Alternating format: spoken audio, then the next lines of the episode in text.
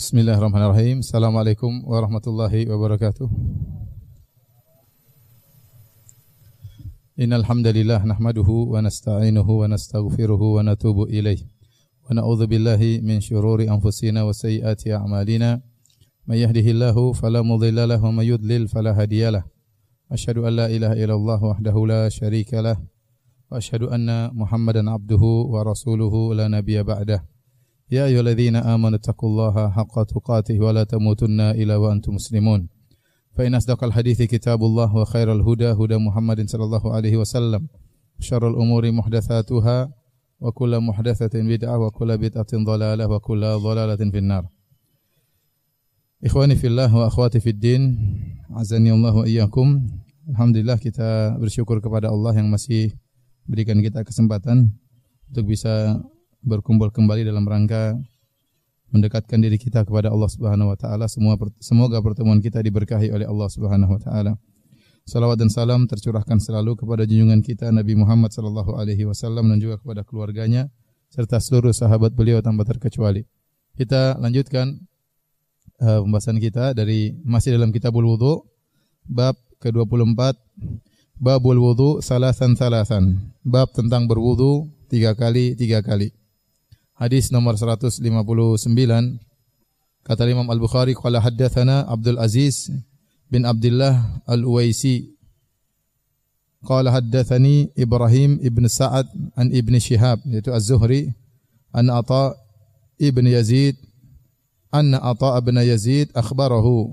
Bahwasanya Ata bin Yazid mengabarkan kepada Ibn Shihab anna Humran maula Uthman akhbarahu. Bahwasanya Humran yaitu bin Aban Maula Uthman mengabarkan kepadanya annahu ra'a Uthman bin Affan da'a bi ina'in. Bahwasanya Humran melihat Uthman minta untuk didatangkan tempat air. Fa afraga ala kafihi thalatha mirarin wa ghasalahuma. Lalu kemudian Uthman menumpahkan tempat air tersebut, yang memiringkan, menumpahkan air ke tiga kali untuk mencuci kedua tangannya. Thumma adkhala yaminahu fil ina'i. Kemudian dia memasukkan tangan kanannya dalam tempat air. Famat madha wastanthar. Kemudian dia mengambil air untuk berkumur-kumur. Wastanthar yaitu menghirup air. Ya, untuk dikeluarkan. Istinthar artinya mengeluarkan air dari hidung. Tentunya setelah ditarik terlebih dahulu ke dalam hidung. Thumma ghassala wajahu salasan. Kemudian Utsman mencuci wajahnya tiga kali wa yadayhi ilal mirfaqaini thalatha mirarin. Kemudian Utsman mencuci kedua tangannya sampai ke kedua sikunya sebanyak tiga kali. Thumma masaha bi ra'sihi. Kemudian Utsman mengusapkan atau mengusap kepalanya. Thumma ghassala rijlaihi thalatha mirarin. Kemudian beliau mencuci kedua kakinya tiga kali ilal ka'bain sampai ke kedua mata kaki. Thumma qal kemudian Utsman berkata radhiyallahu anhu Qala Rasulullah sallallahu alaihi wasallam Rasulullah sallam bersabda, "Man tawaddaa nahwa wudu'i hadza." Barang siapa yang berwudu seperti wuduku ini, thumma shalla raka'ataini, kemudian dia salat dua rakaat, la yuhadditsu fihi ma nafsahu dan dia tidak mengajak berbicara jiwanya dalam salat tersebut, dalam dua rakaat tersebut, dia tidak mengajak berbicara jiwanya, ghufira lahu ma taqaddama min dzambi. Maka diampuni dosa-dosanya yang telah lalu. Uh, hadirin dan hadirat yang rahmati Allah Subhanahu wa taala, ini salah satu hadis yang menjadi patokan dalam menjelaskan tentang sifat wudu'in Nabi sallallahu alaihi wasallam, tentang sifat wudu Nabi sallallahu alaihi wasallam. Di antaranya hadis Utsman bin Affan, di antaranya hadis Abdullah bin Zaid. Ya, di sini Utsman bin Affan mencontohkan di hadapan sahabat-sahabatnya, di antaranya di hadapan Humran Maula Utsman, ya. Di mana Humran melihat Utsman minta untuk didatangkan tempat air ya. Yaitu apa namanya uh, suatu tempat air ya ina untuk berwudu. Maka sebelum beliau berwudu ya dan ini boleh seorang minta tolong untuk didatangkan tempat air tidak ada masalah. Kemudian Utsman menumpahkan tempat air tersebut ke kedua tangannya untuk dicuci. Oleh karenanya di antara tata cara berwudu pertama kali adalah mencuci kedua tangan dan ini hukumnya sunnah dengan ijma ulama, kesepakatan para ulama. ya sebelum dia uh, mencuci wajahnya dan sebelum berkumur-kumur. Mencuci kedua tangan terlebih dahulu. Dalam hadis ini tidak disebutkan Utsman berkata bismillah. Dalam hadis ini Utsman tidak disebutkan mengatakan apa? Bismillah. Demikian juga dalam hadis Abdullah bin Zaid juga tidak mengatakan bismillah ya. Sudah kita jelaskan tentang masalah uh, hadis tentang uh, man, apa namanya barang siapa berwudu tanpa menyebut bismillah maka tidak ada wudu baginya. La wudu'a liman lam yadhkur ismallah fihi. Hadis ini dipersilakan oleh para ulama. Ini semakin menguatkan bahwasanya bismillah tatkala berwudu hukumnya sunnah. Sebagaimana pendapat jumhur ulama ya. Sebagian ulama mengatakan hukumnya wajib ya. Setelah mencuci kedua tangannya tiga kali baru kemudian dia memasukkan tangan kanannya ke dalam tempayan ke dalam tempat air kemudian dia pun ber kumur-kumur, kemudian dia pun istinthar. Istinthar mengeluarkan air dari hidung. Berarti dia masukkan dulu, baru kemudian dia keluarkan. Masalah berkumur-kumur atau menghirup air dan mengeluarkan air dari hidung, bahkan ini juga masalah khilafiyah. Jumur ulama berpendapat bahwasanya berkumur-kumur dan menghirup air, mengeluarkan air dari hidung, ini hukumnya semuanya sunnah. Kenapa sunnah? Karena Allah tidak menyebutkan dalam Al-Quran. Allah mengatakan, Ya ayyuhalladzina amanu, idha kumtum ila salati faksilu wujuhakum. Wahai orang-orang yang beriman, kalau kalian tidak solat, maka cucilah wajah-wajah kalian. Allah tidak mengatakan berkumur-kumurlah kalian, hirup airlah istinsyak, kemudian hemburkan air tersebut. Allah tidak menyebutkan sama sekali. Sebagaimana Allah tidak menyebutkan, cucilah kedua tangan kalian terlebih dahulu. Yang pertama kali Allah sebutkan dari anggota wudhu yang empat adalah wajah, faksilu wujuhakum, baru kemudian wa aidiakum, kedua tangan kalian ilal marafik, kemudian kepala, kemudian kaki. Empat ini yang uh, kata mereka inilah rukun wudhu atau kewajiban wudhu, lainnya hukumnya sunnah. Ini jumhur ulama demikian cara mereka mengambil dalil. Terutama mereka berdalil dengan hadis Nabi waktu Nabi berkata kepada seorang Arabi, Nabi berkata, "Tawadda kama amarakallah." Berwudulah engkau sebagaimana Allah perintahkan. Berwudulah engkau sebagaimana Allah perintahkan dan Allah perintahkan dalam Al-Qur'an pertama kali dimulai dengan apa? Mencuci wajah. Sehingga berkumur-kumur dan menghirup air dan mengeluarkannya, mengembuskannya ini hukumnya sunnah menurut jumhur ulama. Tetapi menurut madhab hambali, bahwasanya berkumur-kumur, menghirup air dan mengeluarkannya hukumnya wajib. Kenapa? Karena Nabi ya dalam riwayat yang lain ya famad mit Nabi datangkan dengan kata perintah fi'il amr. Jika kalian berwudu, jika salah seorang dari kalian berwudu, famad mit yaitu berkumur-kumurlah ya. Berkumur-kumurlah. Kemudian Nabi mengatakan beristinsyaklah. Nabi berkatakan hembuskanlah. Semua dengan lafal perintah. Dan ini hukum asal dalam fi'il amr, kata kerja perintah, hukum asalnya adalah wajib. Lantas bagaimana dengan ayat faksilu wujuhakum? Allah hanya menyebutkan wajah. Allah tidak menyebutkan berkumur-kumur, menghirup air di hidung dan menghembuskannya. Kata madhab Hanabilah, bahwasanya Allah menyebutkan ya cucilah wajah kalian kemudian Nabi yang jelaskan cara mencuci wajah itu bagaimana caranya adalah dengan berkumur-kumur terlebih dahulu menghirup air menghembuskan air baru kemudian wajah Intinya khilafnya kuat ya, khilafnya kuat di antara mazhab Hanabilah dengan mazhab jumhur ulama. Ya. Lebih hati-hati kita kalau berwudu, kita berkumur-kumur terlebih dahulu, kemudian kita apa? Menghirup air dan mengeluarkannya. Entah dia sunnah atau entah dia apa? Wajib. Taib. Kemudian kata Hamran, "Tsumma ghasala wajhahu salasan."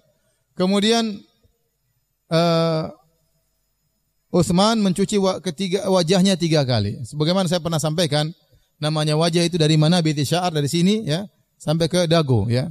Bagian belakang ini bukan apa? Bukan wajah. Bagian belakang ini bukan wajah. Cuma sini sampai daerah sini. Ini namanya apa?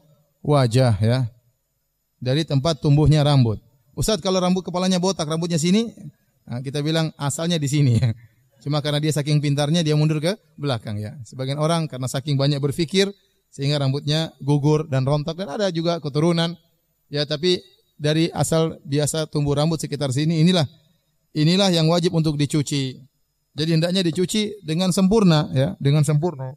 Semuanya kena ya, semuanya kena ya. Ya. Semuanya kena. Adapun sini ini bukan dari wajah. Ini bukan wajah, cuma sampai sini. Ini wajah. Ya ini ma tahsulu bihi ma yahsulu bihi al muwajah. Wajah itu yang terlihat dengan dia ada berhadapan-hadapan itulah wajah. Maka dicuci tiga kali, sekali, dua kali, tiga kali. Kemudian thumma masaha bi. Kemudian setelah itu mengusap kepala. Mengusap kepala, ya.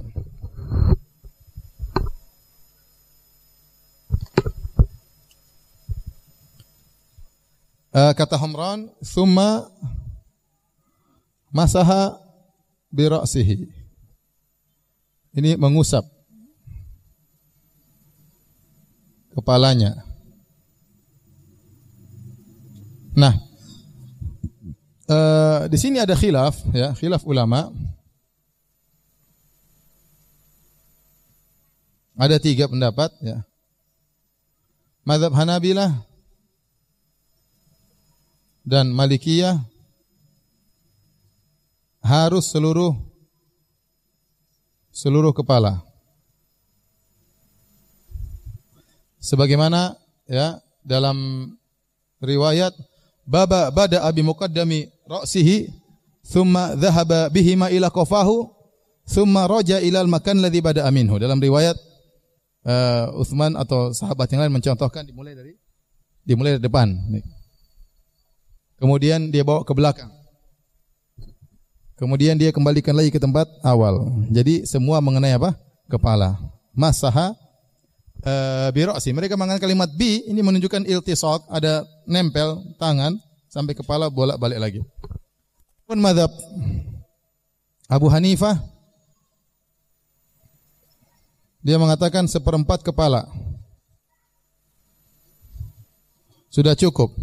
Jadi kalau seorang berwudu begini aja sudah cukup, sudah setengah malah ya. ya. Yang penting seperempat kepala sudah apa? Sudah cukup. Adapun madhab syafi'i yang berkembang di tanah air kita, maka sebagian kecil kepala sudah cukup.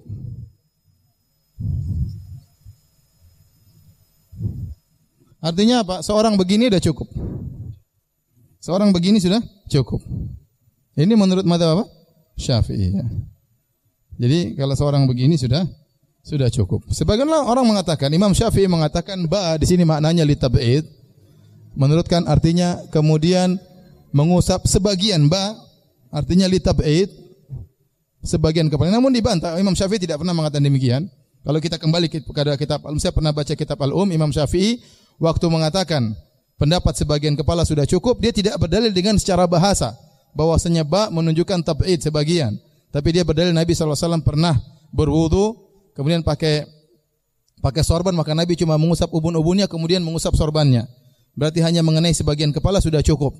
Jadi sebagian orang mengatakan Imam Syafi'i meskipun dia hujatun fil lughah, dia ahli lughah, ahli bahasa, tapi dia sadar dalam poin ini karena dia mengatakan bali tabi dan itu tidak ada datang dalam bahasa Arab. Namun dibantah oleh para ulama Syafi'i yang lainnya bahwa si Imam Syafi'i tidak pernah mengatakan demikian. Itu hanya tuduhan dan persangkaan. Yang benar Imam Syafi'i waktu berdalil mengatakan boleh sebagian kepala karena datang dalam hadis yang sahih Nabi pernah berwudu tatkala pakai sorban Nabi mengusap sebagian ubun-ubunnya sisanya mengusap apa? Sorbannya. Sehingga usapan tersebut hanya mengenai apa? Sebagian kepala. Paham? Antum nggak paham karena tahu bahasa Arab ya? Taib. Saya ingatkan ya. Dari sini antum tahu ini sekarang khilaf ulama tentang apa tentang kadar minimal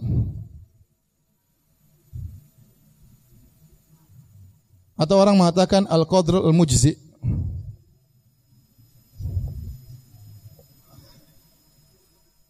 Ini yang sedang mereka khilafkan adalah tentang kadar minimal sah wudu. Maka madhab syafi'i mengatakan cuma sebagian sudah sah. Ini praktikkan oleh saudara-saudara kita tanah air. Begini sudah. Itu pendapat Imam Syafi'i. Madhab Hanafiyah, Abu Hanifah harus seperempat kepala. Adapun madhab Hambali dan Maliki seluruh kepala dikenakan sebagaimana Nabi diriwayatkan kalau berwudu selalu demikian. Adapun Nabi mengusap sebagian karena dia pakai sorban dan itu pun dia lanjutkan mengusap apa? Sorbannya. Semakin semakin menunjukkan bahwasanya harus mengusap apa? Seluruh kepalanya. Seandainya Nabi tidak melanjutkan mengusap sorbannya cukup kepalanya, maka mungkin kita katakan sebagian sudah cukup. Ini masalah khilafiyah ya. Ini juga berkaitan dengan ukuran berapa rambut boleh dicukur tatkala tahallul sama kembalinya masalah ini juga. Menurut mazhab Syafi'i sedikit sudah cukup. Oleh karena orang Indonesia kalau selesai umrah, cilik-cilik sudah sah ya. Mazhab Hanabilah enggak boleh, harus seluruh. Mazhab Hanafi harus seperempat. Kembali kepada apakah sah atau tidak. Ini masalah khilaf tetapi berat karena menurut madhab Hambali cara berwudunya Imam Syafi'i dengan model seperti ini tidak sah. Demikian juga menurut Abu Hanifah tidak sah. Kenapa? Karena belum sampai pada derajat yang yujzi, yang cukup. Tetapi ini masalah khilafiyah maka kita saling menghormati ya masing-masing punya dalil, masing-masing punya istimbat cara pengambilan dalil. Yang ingin saya sampaikan di sini, semuanya ini sepakat. Ini sekarang kita bilang khilaf ulama tentang kadar apa? Minimal. Tetapi tidak ada khilaf tentang kadar maksimal atau yang sempurna.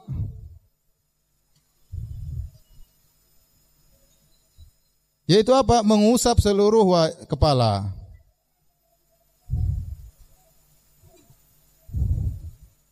Maksud saya apa? Madhab Hanafiyah, madhab Syafi'iyah juga mengatakan sunnahnya mengusap apa? Seluruh kepala. Tapi mereka mengatakan, tapi madhab bedanya madhab Syafi'iyah dan Hanafiyah mengatakan sunnah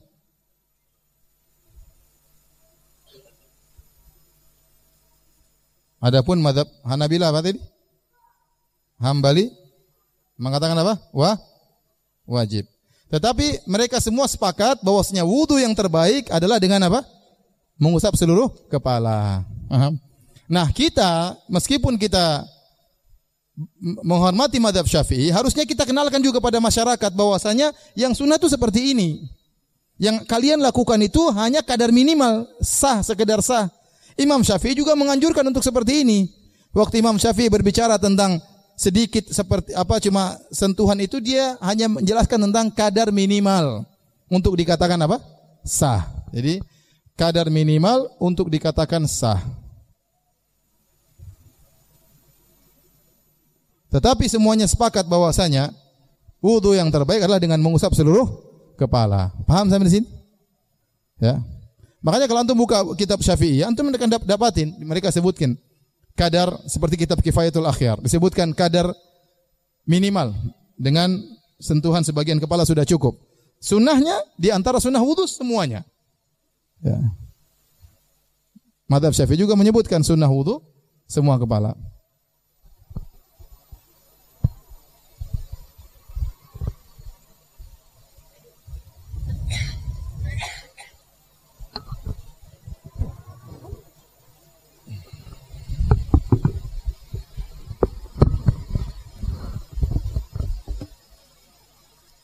Baik, kita lanjutkan.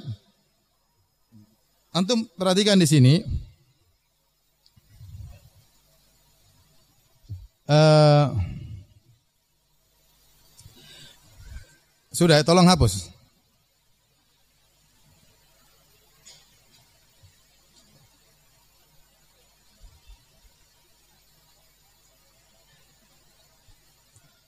Demikian juga para ulama khilaf tapi khilafnya ringan tentang kata firman Allah Subhanahu wa taala wa aydiyakum ilal marafiq. Nanya kalian mencuci tangan-tangan kalian sampai ke siku-siku ya. Sini disebutkan uh, wa yadayhi ilal mirfaqain. Jadi Utsman ya kata Humran wa yadayhi ilal mirfaqain.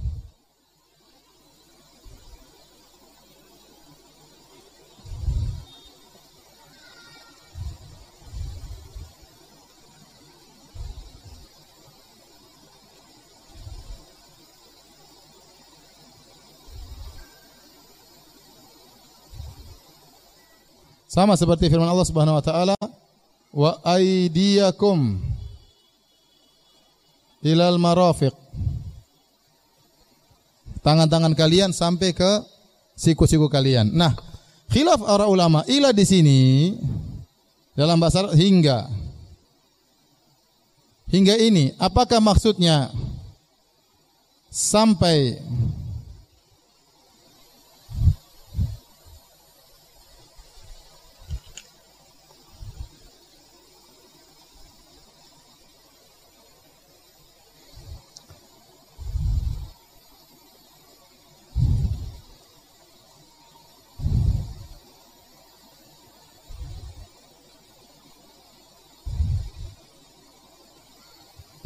Apakah hingga di sini maksudnya kedua siku tidak termasuk sehingga orang tatkala wudu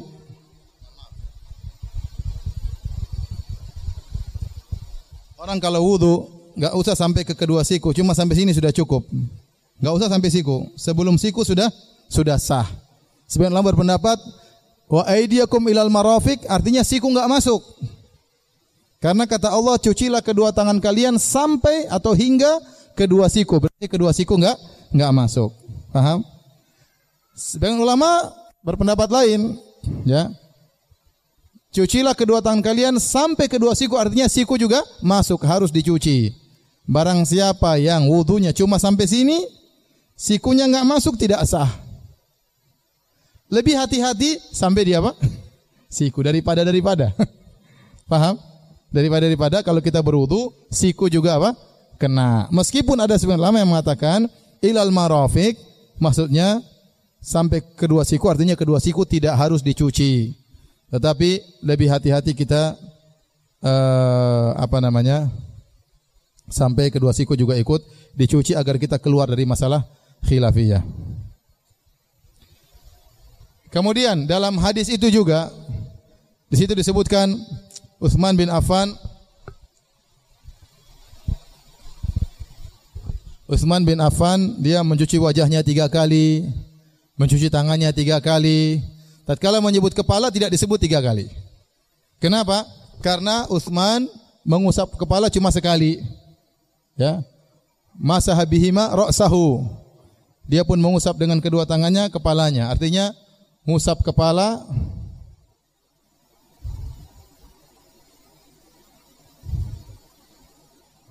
Dan ini pendapat jumhur. Ini pendapat jumhur ulama. Madhab syafi'iyah mengatakan disunahkan tiga kali. Disunahkan tiga kali. Tetapi seluruh hadis-hadis yang datang tentang mengusap kepalanya dari Nabi semuanya sekali-sekali. Enggak ada yang disebutkan apa? Tiga kali. Kecuali datang dalam bentuk umum anna Nabi wasallam tawaddaa thalathan thalathan. Nabi berwudu tiga kali tiga kali. Ini ada hadis umum seperti itu. Tapi bukan berarti semuanya tiga kali. Karena setelah dijelaskan dalam hadis-hadis yang lain, Nabi hanya mengusap berapa kali? Sekali. Kenapa cuma sekali? Karena kepala, ya, jadi kan anggota anggota wudhu ada berapa? Anggota wudhu ada empat. Ada empat. Ya. Di antaranya apa? Tangan ya. Kedua tangan. Wajah, kedua kaki. Satunya kepala. Nah, seluruh ini kedua tangan, kedua wajah, kaki apa kaki dan kedua tangan dan wajah Allah mengatakan faksilu. Cucilah atau basuhlah. Cucilah. Adapun untuk kepala kata Allah wamsahu Kalau bahasa kita usaplah. Apa perbedaan antara gosol dengan al-masah? Apa bedanya? Antara al-ghusl mencuci dan wal masah membasuh mengusap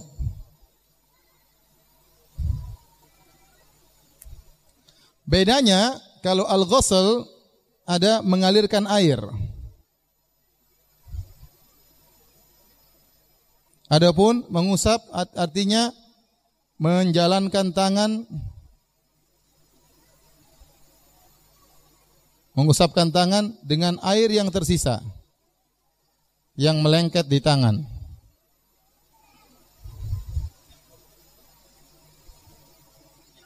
Dan yang benar bahwasanya al-ghusl tidak disyaratkan sebagaimana penjelasan dari Ibnu Hajar at-tadlik ad-dalq gosok tidak disyaratkan menggosok Ini penting bedanya ghusl dengan al-masah. Al-ghusl karena Allah mengatakan ya ayyuhalladzina amanu idza kumtum ila sholati wahai orang beriman jika kalian hendak salat faksilu wujuhakum, cucilah wajah apa? kalian, basuhlah wajah-wajah kalian. Wa aydiyakum ilal marafiq, cucilah tangan-tangan kalian. Kemudian wamsahu bi ru'usikum, usaplah, kalimatnya ganti. Usaplah kepala apa? Kalian. Kemudian wa arjulakum dan basuhlah, cucilah lagi kaki kalian sampai kedua mata kaki. Tiga anggota wudu ini disebut dengan faksilu, cucilah, adapun kepala usaplah. Nah, cuci itu kata para ulama disyaratkan ada imrarul ma alal a'dha yaitu mengalirkan air jaroyanul ma alirnya air di atas anggota tubuh. Jadi orang kalau berwudu airnya harus ngalir. Maksudnya airnya harus Misalnya kita ambil, jadi airnya berjalan di wajah. Bukan tangan lemkat gini terus kita itu namanya pakai bedak. Paham? Jadi harus ada air yang mengalir. Makanya saya sering ditanya, Ustadz kalau kita tawaf, bolehkah kita berwudu dengan semprotan? Saya bilang tidak, tidak boleh. Semprotannya dibuka, airnya dituangkan baru dialirkan. Itu baru ber, berwudu. Adapun cuma semprot-semprot gini, itu namanya bukan apa? Bukan mencuci, bukan membasuh. Membasuh itu air harus mengalir. Tapi Ustaz, kalau kita berwudu misalnya, kita taruh air, buka keran. Lantas kita cuma begini aja. Kasih kena aliran air. Sah atau tidak? Sah. Karena air sudah apa? Mengalir. Makanya Ibnu Hajar mengatakan tidak disyaratkan menggosok. Menggosok itu kadar yang lebih. Artinya sunnah, bagus.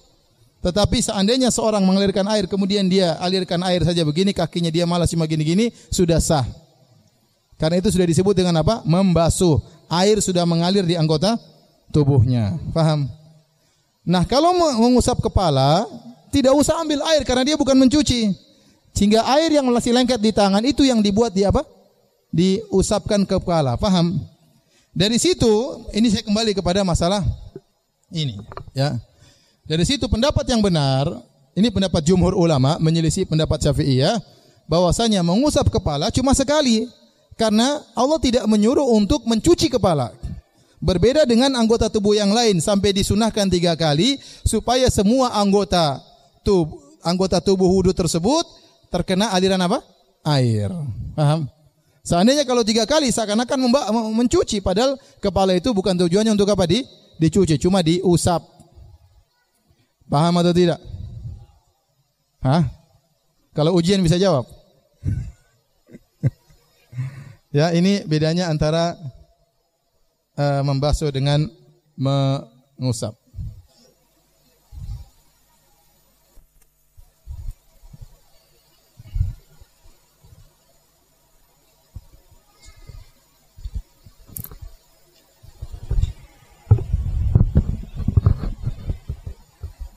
Allahumma sayyiban nafi'an. Sabbihu ra'da bihamdi malaikati min khifatih.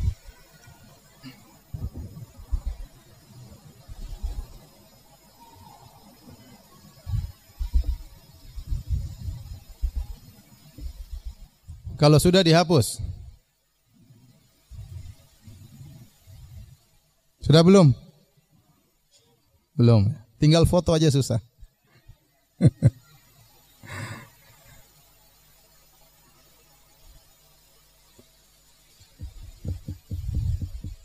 catat, catat dulu, catat. Santai aja.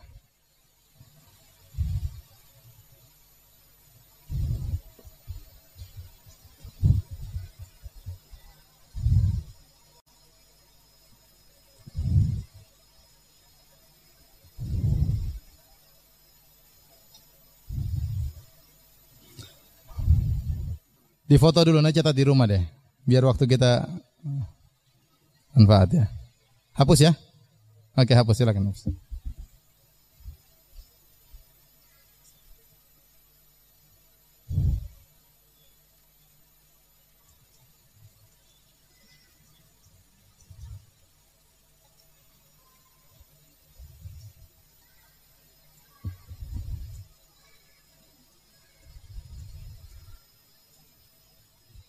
Makanya seorang tatkala berwudu misalnya di pesawat, dia tetap harus melakukan cuci. Ya.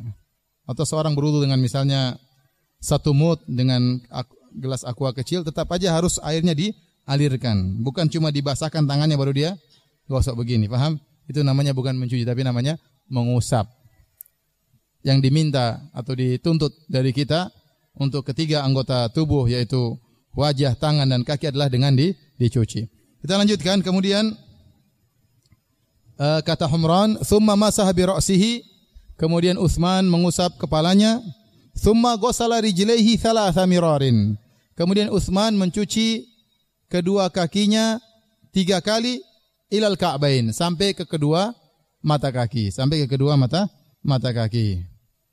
Ya. Tsumma qal, kemudian setelah Utsman berwudu di hadapan mereka semuanya, Utsman berkata, Qala Rasulullah sallallahu alaihi wasallam, Rasulullah sallallahu bersabda, "Man tawaddaa nahwa wudu'i hadza, thumma shalla rak'ataini la yuhaddithu fihima nafsahu." Barang siapa berwudu mirip seperti wuduku ini. Dalam sebagian riwayat, mithla wudu'i hadza, seperti wuduku ini artinya berusaha seperti itu meskipun tidak sama persis, tapi kira-kira seperti ini. Thumma shalla rak'ataini, kemudian dia salat dua rakaat, la yuhadditsu fihi ma nafsahu, dalam dua rakaat tersebut dia tidak mengajak berbicara jiwanya, ghufira lahu ma taqaddama min dzambi, maka akan diampuni dosa-dosa yang telah lalu.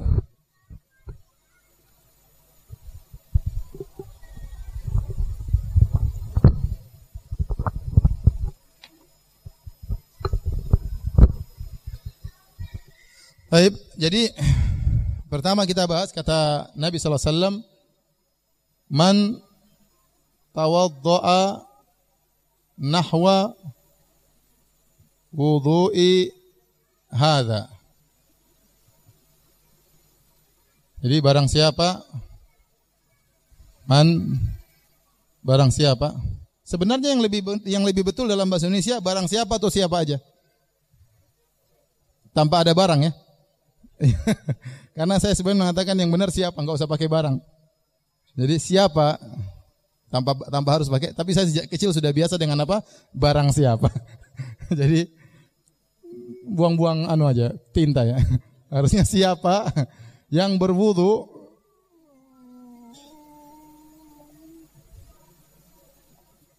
Nahwa ini mirip. Jadi ada dua nahwu dengan mithla. Mithla itu persis sama, nahwu itu mirip. Dalam riwayat mislu juga, jadi mirip dengan wudhuku dengan wudhuku ini. Kemudian kata Nabi sallallahu alaihi wasallam, "Summa lalu summa yusalli rak'ataini." Yusalli rak'ataini. Salat dua rakaat. Dua rakaat. Ini disebut dengan salat apa? Salat sunnah apa? Wudu. Salat sunnah apa? Wudu. Summa yusalli summa atau summa shalla raka'ataini la yuhaddithu fihima nafsahu. La yuhadits artinya tidak tidak mengajak berbicara, tidak berbicara. Berbicara pada dua rakaat tersebut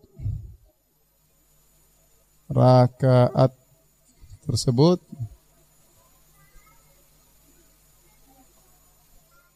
Jiwanya. Balasannya gufiralahu ma taqaddama min dzambi diampuni baginya dosa-dosanya yang telah lalu. Perhatikan di sini.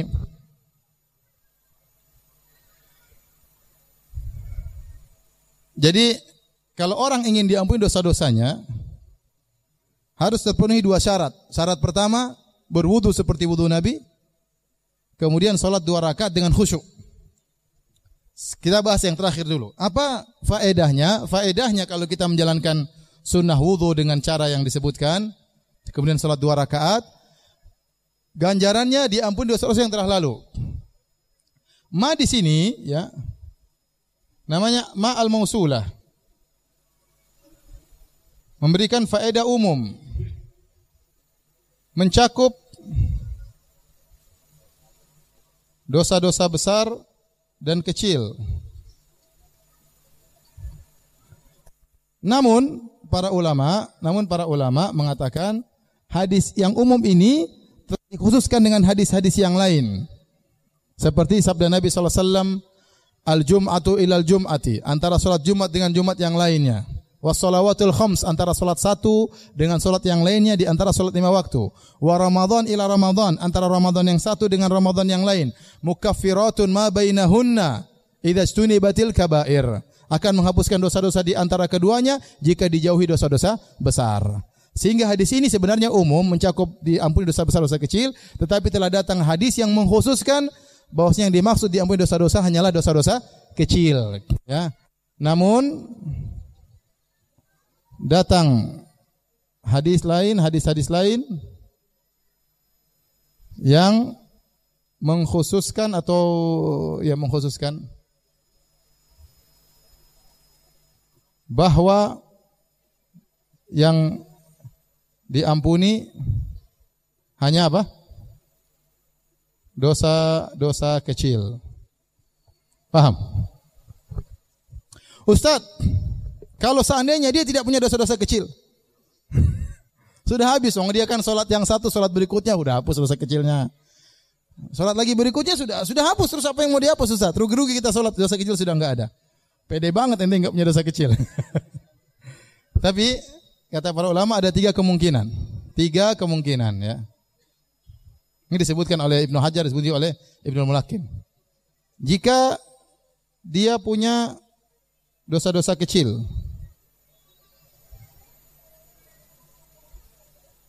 maka terampuni.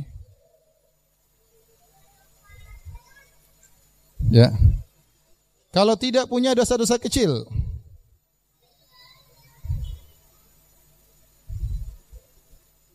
dan sangat mungkin tidak punya dosa kecil. Kenapa? Dia sholat lima waktu, kemudian dia puasa bulan Ramadan, kan terhapus di antara keduanya. Kemudian dia umrah, al umrah atau ilal umrah kafarat lima bainahuma. Umrah satu, umrah kedua, berikutnya menghapuskan di antara kedua-duanya. Kemudian dia puasa apa? Arafah. Tukafiru as-sanata allati qablahu wallati ba'dahu. Akan menghapuskan dua tahun, tahun sebelumnya, tahun sesudahnya. Puasa Arafah. Puasa Asyura menghapuskan dosa setahun sebelumnya. Ya sudah, sudah bersih dia. Dicuci, cuci, cuci terus habis dosa kecilnya. Nah, terus bagaimana Ustaz kalau tidak punya dosa-dosa kecil? Maka jawabannya menambah pahala. Tidak ada yang sia-sia. Sehingga kalau tidak dosa-dosa kecilnya, maka ini amalan yang dia lakukan ini akan menambah apa? Pahalanya. Tapi Ustaz, dia tidak punya dosa-dosa kecil, tapi punya dosa-dosa besar. tidak punya dosa kecil, tapi punya dosa besar. Bagaimana Ustaz? Kita sudah sepakat bahwasanya yang diampuni cuma dosa-dosa apa? kecil. Maka bagaimana kalau ternyata dosa kecilnya enggak ada, dosa besarnya ada? Kata para ulama, meringankan dosa besar tersebut. Meskipun tidak terampuni, meskipun tidak terampuni secara total. Artinya apa? Seharusnya hukumannya pakai pentungan besi, bisa jadi pakai pentungan kayu. Tapi tetap dipentung kepalanya. Misalnya kira-kira begitu. Paham? Ya. Sudah? Sudah paham ya? Ini paham nggak? Paham. Kita lanjutkan. Nah, syaratnya untuk mendapatkan ampunan ini, syarat ampunan, syarat meraih ampunan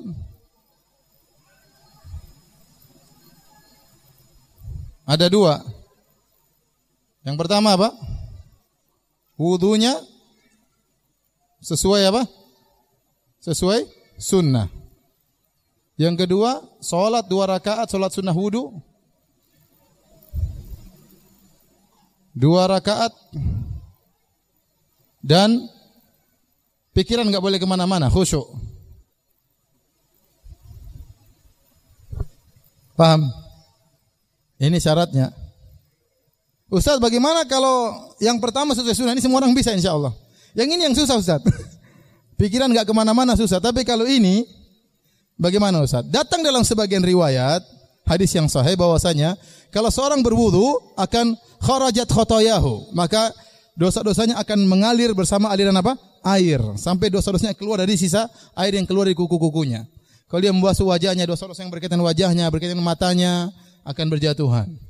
Dia buru dengan mengusap telinganya, dosa yang berkaitan telinganya akan apa? Berjatuhan. Dengan tangannya semua, dengan mulutnya pembicaraan yang mungkin dosa akan berguguran. Jadi sekedar wudhu saja itu sebenarnya sudah bisa menghilangkan apa? Dosa-dosa. Tetapi kalau ditambah dengan dua rakaat sunnah wudhu yang khusyuk maka pembersihnya semakin sempurna. Seluruhnya akan di apa? Diampuni. Faham? Dari sini maka ini yang maksud saya kita berusaha menyampaikan kepada saudara-saudara kita berusaha untuk berwudu sesuai dengan sunnah yang sempurna. Ya, sesuai dengan wudu yang sempurna sesuai dengan sunnah Nabi sallallahu alaihi wasallam. Karena Nabi mengatakan man tawaddaa nahwa wudu'i hadza. Barang siapa yang berwudu seperti wuduku, Berarti berusaha seperti wudhu Nabi, berkumur-kumur, menghirup air, dikeluarkan, cuci wajah, kepala dibasuh. Kalau dia tidak berkumur-kumur, tidak men, tidak menghirup air dan mengeluarkannya, tidak sesuai dengan wudhu yang disyaratkan. Sehingga pahala ini bisa luput darinya, paham? Makanya seorang berusaha berwudhu seperti sunnahnya wudhu Nabi SAW. Kecuali dalam kondisi kepepet sekali-sekali, air cuma sedikit. Mungkin kita nggak perlu kumur-kumur, langsung wajah. Misalnya kita di pesawat, kita ikut mendapat jumhur bahwasanya mulut dan hidung tidak wajib. Yang langsung wajah aja sekali. Tangan kanan sekali, tangan kiri sekali, kepala sekali, kaki kanan sekali, kiri sekali. Sudah sah. Kenapa? Air sedikit. Ya. Air sedikit. Tapi kalau ternyata ada air, maka kita berwudu berusaha dengan sunnah Nabi Shallallahu Alaihi Wasallam. Nah, apa yang dimaksud dengan khusyuk yaitu tidak mengajak mengajak bicara jiwanya. Namanya orang sholat pasti jiwanya ada pembicaraan. Pasti jiwanya ada apa? Pembicaraan. Kata para ulama, maka pembicaraan jiwa ada dua. Pembicaraan jiwa ada dua.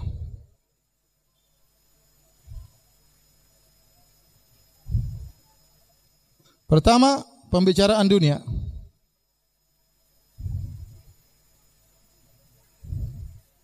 Yang kedua, pembicaraan apa? Akhirat.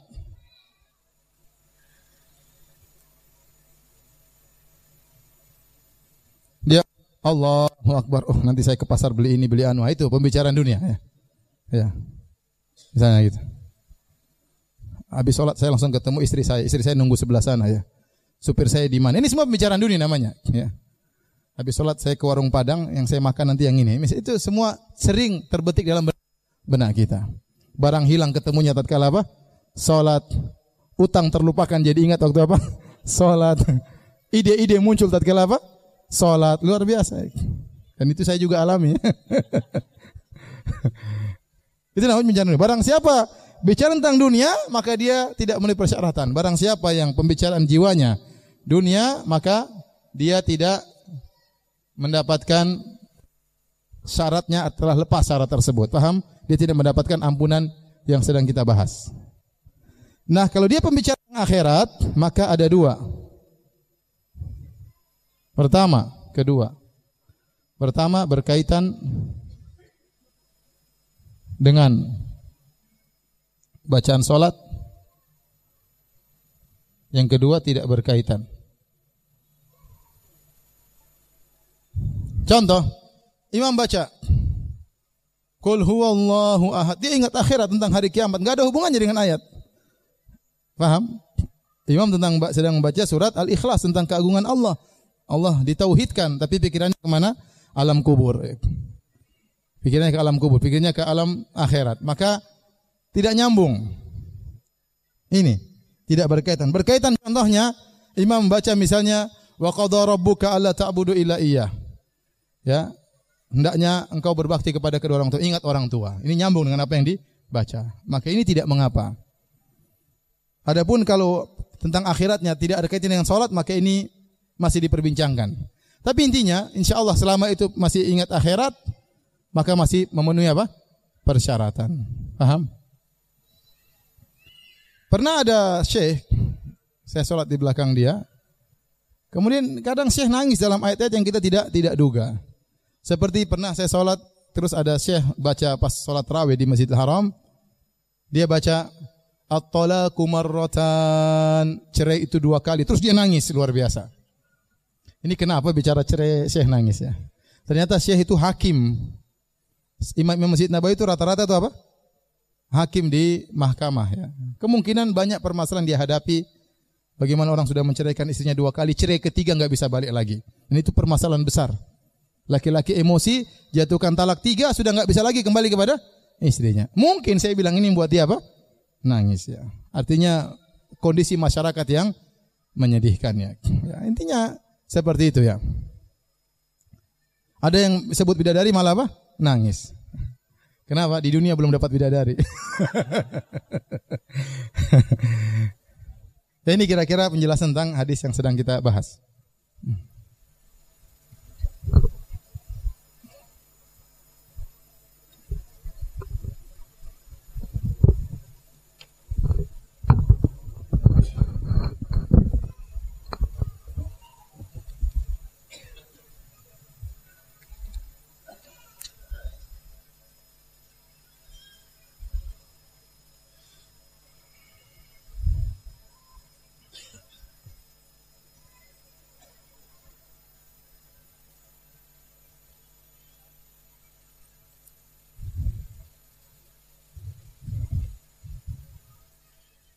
Taib, kita lanjutkan hadis berikutnya. Hadis nomor 160. Masya Allah, kita lambat berjalan ya. Malam ini cuma satu hadis, ini hadis kedua. Wa an Ibrahim qal. Dari Ibrahim bin Sa'ad sebagaimana rawi dalam hadis sebelumnya, qala dia berkata, qala Salih ibnu Kaisan. Berkata Salih ibnu Kaisan, Qala Ibnu Syihab, berkata Ibnu Syihab Az-Zuhri.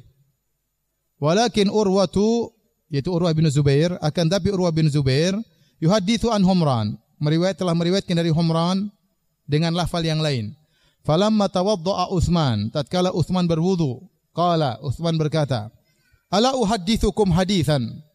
Maukah aku sampaikan kepada kalian tentang suatu hadis? Laula ayatun ma haddatstukumuhu. Seandainya kalau bukan karena satu ayat, saya tidak akan menyampaikan hadis ini kepada kalian. Sami itu Nabi sallallahu alaihi wasallam aku mendengar Nabi sallallahu alaihi wasallam bersabda, la yatawaddau rajulun yuhsinu wudu'ahu. Tidak Allah seorang berwudu kemudian dia baguskan, dia sempurnakan wudunya. Wa yusalli salata, kemudian dia salat. Illa ghufira lahu ma baina wa baina salati hatta yusalliha. Kecuali akan dia dosa-dosanya yang ada dosa-dosanya sampai dia salat maka seluruh dosa-dosa di belakangnya akan diampuni oleh Allah Subhanahu wa taala. Qala Urwah, Urwah bin Zubair berkata, "Al-ayah, ayat yang dimaksud oleh Utsman yang buat dia takut untuk menyembunyikan hadis, dia harus menyampaikan hadis tersebut, yaitu firman Allah Subhanahu wa taala, "Innal ladzina yaktumuna ma anzalna minal bayyinati wal huda min ba'di ma bayyanahu lin-nasi fil kitab, ulaika yal'anuhumullah wa yal'anuhumul la'inun."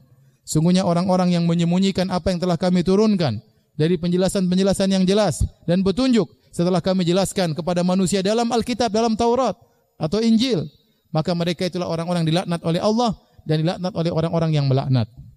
Ayat ini turun berkaitan dengan ahlul kitab bahwasanya mereka itu menyembunyikan sebagian ayat-ayat Allah dan mereka dilaknat oleh Allah Subhanahu wa taala ya dan dilaknat oleh orang-orang yang melaknat. Demikian dalam ayat yang lain juga dalam surat Ali Imran Allah mengatakan Wa idh akhadha Allahu mithaqa bani Israila. Wa idh akhadha wa idh akhadha wa idh akhadha Allahu mithaqa alladhina utul kitaba latubayyinunnahu lin-nasi wa la taktumunah. Fanabadhuhu wara'aha zuhurihim washtaru bi thamanan qalila fabi'sa ma yashtarun. Kata Allah Subhanahu wa taala, tatkala Allah mengambil perjanjian dari ahlul kitab, ya, hendaknya kalian menjelaskan isi Alkitab kepada manusia. Wala taktumuna dan janganlah kalian menyembunyikannya. Fanabadhuhu wara'a dhuhurihim. Kemudian mereka membuang perjanjian tersebut. Washtaru bi thamanan qalila. Akhirnya mereka menjual ayat-ayat Allah, mereka sembunyikan, mereka tidak tampakkan supaya dapat duit, supaya dapat dunia. Fabi sama yashtarun, maka sungguh buruk apa yang mereka jual tersebut atau mereka beli tersebut, ya.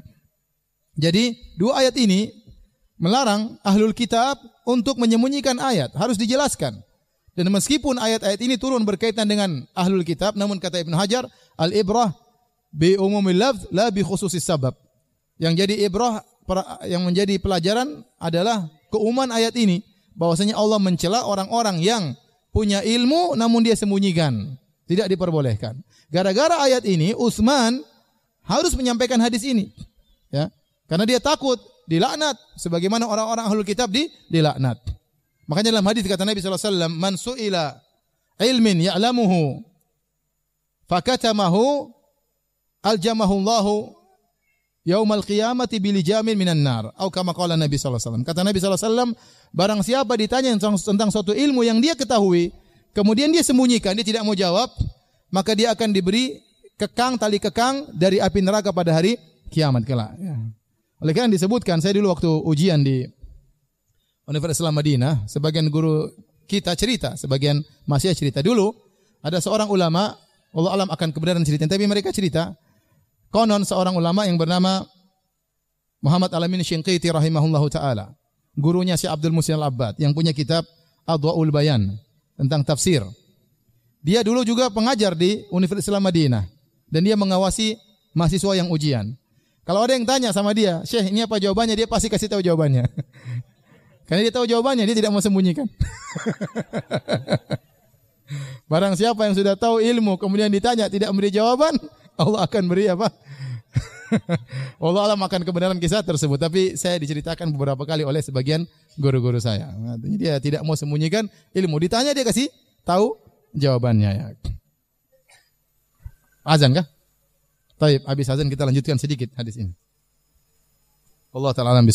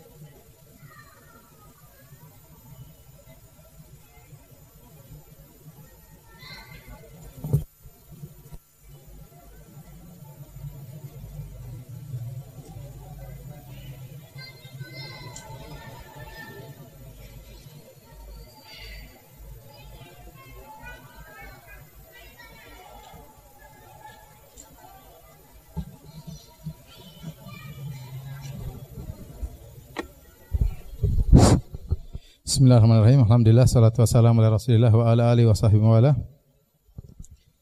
Baik, hadirin dan hadirat yang dirahmati Allah Subhanahu wa taala. Di sini ada ini hadis yang pertama tadi Al-Bukhari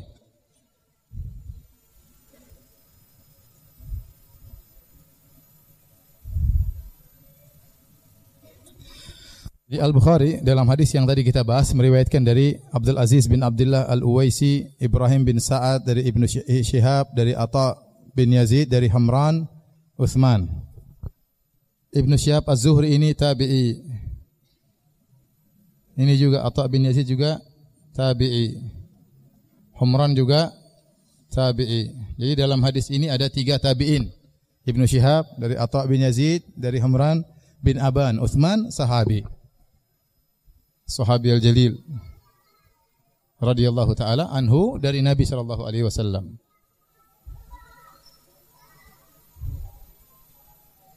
Hmm. Nah, sebagian ulama menyangka riwayat yang kedua yang tadi kita bahas dimulai kata Imam Al-Bukhari dalam sahihnya tadi, ya, saya bacakan.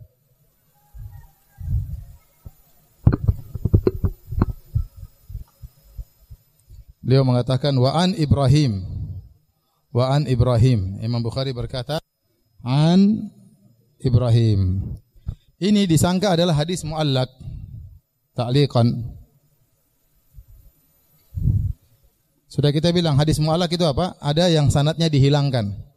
Tahu-tahu Ibnu Syihab berkata, tahu-tahu Soleh bin Kaisan berkata, tahu-tahu Ibrahim bin Sa'ad berkata. Padahal kita yakin betul Imam Bukhari tidak bertemu dengan Ibrahim bin Sa'ad. Di sini ada satu yang hilang, ada satu yang hilang. Makanya dikatakan sanad ini adalah hadis yang muallak karena sanadnya tidak apa? bersambung. Beda dengan riwayat yang pertama. Jelas Imam Bukhari mengatakan haddatsani Abdul Aziz bin Al-Uwaisi, Abdul Aziz bin Abdullah Al-Uwaisi. Jadi Bukhari ketemu ini, ini ketemu ini ya. Adapun riwayat yang kedua langsung kata Bukhari an Ibrahim bin Sa'ad. Zahirnya hadis ini hadis yang muallak. Muallak artinya tergantung. Artinya apa? Dia ta'liqan ini tergantung, tidak tidak dari awal tahu-tahu berkata sahabat, tahu-tahu berkata tabi'in, tahu-tahu berkata di tengah-tengah. Karena ada satu yang terjatuhkan di sini. Tetapi Ibnu Hajar rahimahullah menjelaskan bahwasanya sungguhnya hadis ini bukan hadis muallak. Maksudnya Imam Bukhari berkata di sini maksudnya sama Abdul Aziz bin Abdullah Al-Uwaisi Yang tanda tanya ini sebenarnya adalah Abdul Abdul Aziz bin Abdullah Al-Waisi dan kemudian dijelaskan oleh Ibnu Hajar dalam kitabnya Tagligu Ta'liq. Tagligu Ta'liq yaitu kitab yang ditulis oleh Imam Al-Bukhari khusus untuk menjelaskan kondisi hadis-hadis yang diriwayatkan oleh Imam Al-Bukhari dalam sahihnya hadis-hadis muallak. Jadi dalam sahih Bukhari itu tidak semuanya hadis-hadis yang musnadah yang disyaratkan Imam Bukhari yang sahih hanya hadis-hadis yang musnadah, maksudnya dari awal sampai akhir ada sanatnya. Beliau juga sering menyampaikan hadis-hadis yang langsung dari tengah seperti ini. Hadis-hadis yang langsung dari tengah namanya hadis-hadis apa? Muallak. Nah, hadis-hadis muallak itu ada yang sahih, ada yang dhaif. Ada yang sahih, ada yang dhaif. Tetapi Ibnu Hajar dalam kitabnya Taghliqut Ta'liq dan dia sudah singgung dalam Fathul Bari, sebenarnya riwayat kedua ini juga bukan hadis muallak. Maksudnya Imam Bukhari mengatakan wa an Ibrahim artinya dari Abdul Aziz Al-Uwaisi an Ibrahim. Jadi syaratnya juga masih sama. Paham? Masih bersambung. Cuma beliau tidak menyebutkan Abdul Aziz Al-Uwaisi dan Ibnu Hajar telah meneliti dia mendapat di dalam jalur yang lain ternyata hadis ini sanad ini juga melewati Abdul Aziz As Al-Uwaisi. Sehingga kesimpulannya hadis ini bukan hadis muallak tetapi hadis yang musnad Antum nggak paham nggak masalah. yang paham alhamdulillah, yang nggak paham ya sudah.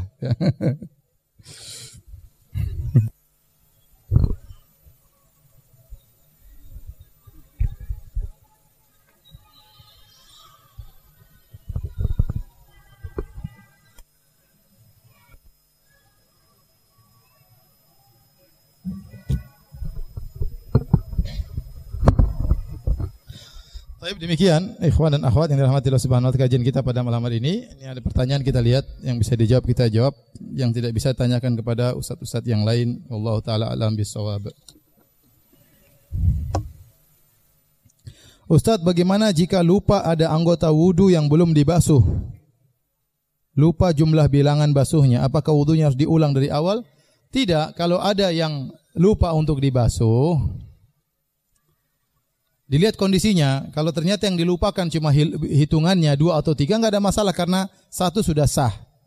Sekali basuh satu saja sudah apa? Sah. Tapi kalau dia lupa belum dibasuh ya, jadi dia berkumur-kumur, wajah, habis wajah ada yang telepon. Eh, habis itu dia langsung kaki. Misalnya, dia langsung kaki. Dia lupa tangan dan apa? Dan kepala. Nah bagaimana? Dilihat. Kalau ternyata karena disebutkan para ulama di antara uh, syarat wudhu adalah al-mualat yaitu berkesinambungan. Artinya apa? Sebelum anggota tubuh yang sebelumnya kering, yang sesudahnya sudah harus dibasuh. Yang sudahnya harus dibasuh. Tetapi kalau ternyata kalau sesudahnya belum dibasuh, sebelumnya sudah kering, maka harus dari awal. Ulang dari awal. Dalilnya apa? Dalilnya Rasulullah SAW pernah melihat ada seorang dia setelah sholat ternyata ada koder diham di kakinya ukuran uang ternyata tidak terkena air wudhu. Nabi suruh ulangi wudhunya. Ya, Nabi suruh Nabi tidak mengatakan cuci kakimu saja. Tetapi ulangi dari apa? Awal. Jadi saya contohkan, seorang lagi cuci wajah, kemudian dia terima telepon. Dua kondisi, dia terima telepon setengah jam. Kalau setengah jam, berarti wajahnya sudah kering. Dia tidak boleh lanjutkan ke tangan lagi, tidak boleh. Dia harus ulang lagi dari apa? Dari awal. Kalau dia terima telepon cuma tiga menit, lima menit, belum belum kering, maka dia boleh lanjutkan. Dia boleh lanjutkan langsung ke tangan dan kepala dan kaki. Kenapa? Karena wajah bekas cucinya masih belum apa? belum kering. Jedanya sedikit. Dan kalau masih basah berarti masih boleh dilanjutkan. Kasus berikutnya, dia cuci wajah, dia telepon, masih basah, dia lupa, dia langsung cuci kaki. Lewat dua, tangan dan apa? Kepala. Jadi baru sadar, ah, dia sadar waktu dia sadar, apakah wajahnya masih basah atau tidak. Kalau dia sadar ternyata wajahnya sudah kering, ya ulang lagi dari awal. Tapi kalau dia sadar wajahnya masih basah, tinggal melanjutkan saja. Tinggal melanjutkan tangan dan kepala, baru kaki lagi. Paham? Apa mau dibuat lagi tulisan?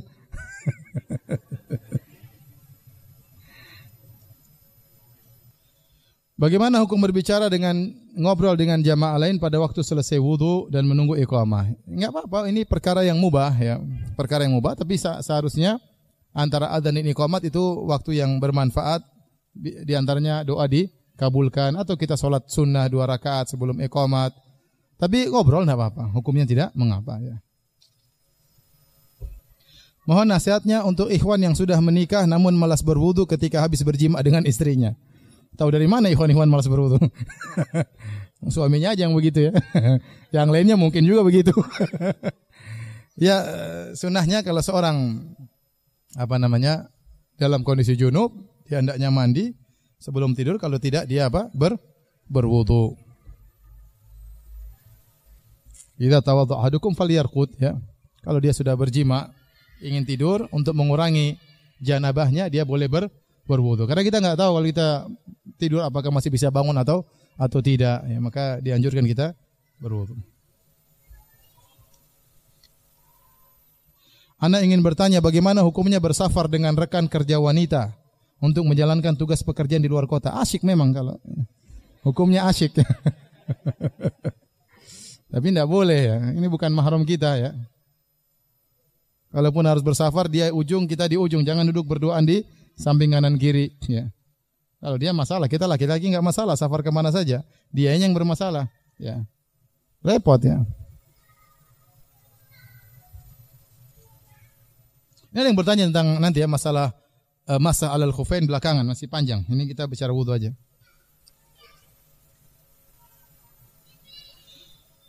Salat sunnah wudhu, eh, saya perlu ingatkan, hadis yang kita bahas ini menjelaskan tentang dianjurkannya salat sunnah apa?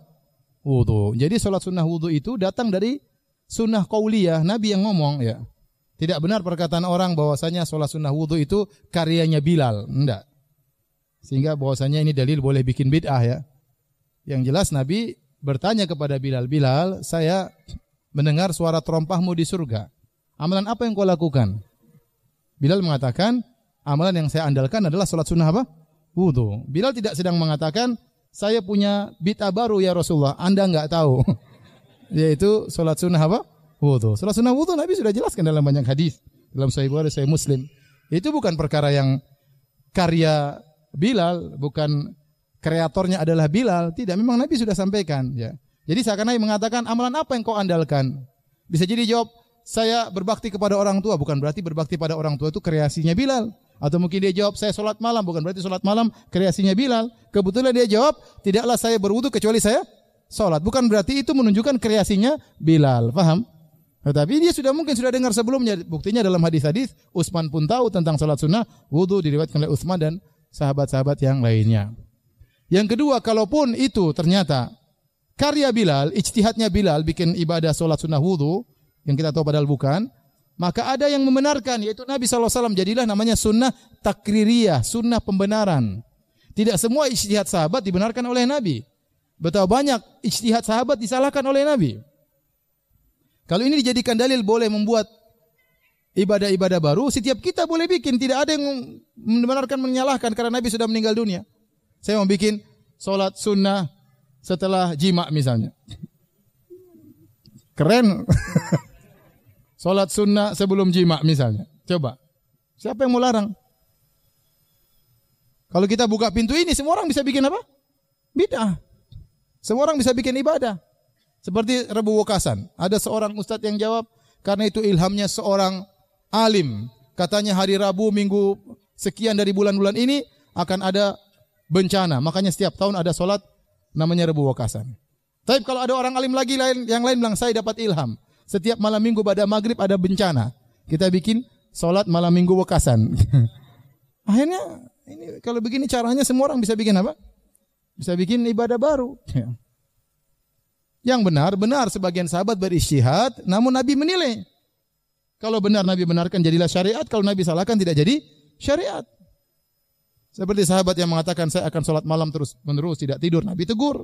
Saya akan meninggalkan wanita untuk bisa beribadah. Nabi tegur, disalahkan oleh Nabi wasallam. Apakah istighfar dalam hati diterima oleh Allah? Allah mengetahui gerakan hati manusia. Ya alamu khainatal a'yun wa ma tukhfis sudur. Allah mengetahui lirikan pandangan mata dan Allah khianat pandangan mata dan Allah mengetahui apa yang disembunyikan oleh dada-dada.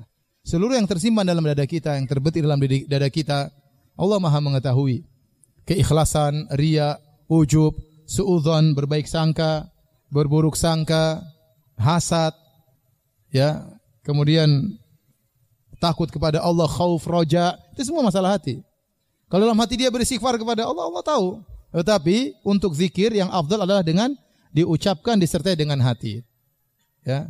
Ada orang berzikir dengan lisan tanpa hati, ada orang berzikir dengan hati tanpa lisan. Yang paling afdal adalah lisan dan apa? Dan hati. Sebagaimana Nabi SAW beristighfar kedengaran oleh para sahabat. Saya demikian saja ya. Saya ada janji habis ini ya. Kurang lebihnya saya mohon maaf. Subhanakallah bihamdik asyhadu an la ilaha illa anta astaghfiruka wa atubu ilaik. Assalamualaikum warahmatullahi wabarakatuh.